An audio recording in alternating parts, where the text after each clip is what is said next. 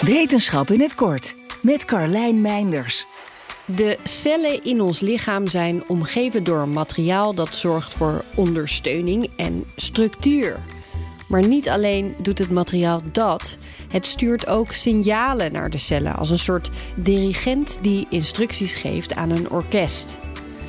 Instructies vanuit het dirigerend materiaal kunnen zowel mechanisch als biochemisch zijn. De mechanische signalen bevatten informatie over bijvoorbeeld de zachtheid of stijfheid van het materiaal, terwijl de biochemische signalen de cellen instrueren via kleine moleculen. Allemaal heeft het invloed op hoe cellen zich gedragen. Dit materiaal is dus niet zomaar een beetje isolatie of bescherming.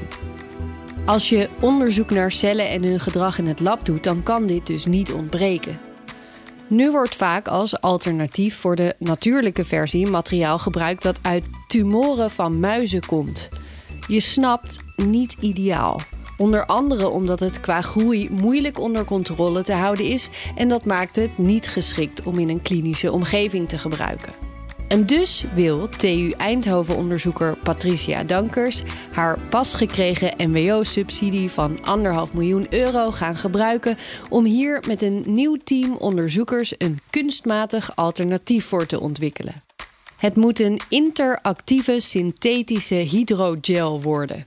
Geen makkelijke klus, maar lukt het, dan kan dat een groot verschil maken voor toekomstig onderzoek. Is één minuutje wetenschap niet genoeg en wil je elke dag een wetenschapsnieuwtje? Abonneer je dan op Wetenschap vandaag. Ik ben Olivier van Solft. Betaalt u te veel huur of huurt u te veel kantoorruimte? Solft heeft de oplossing. Van werkplekadvies, huuronderhandeling tot de verbouwing. Wij ontzorgen u. Kijk voor al onze diensten op soft.nl.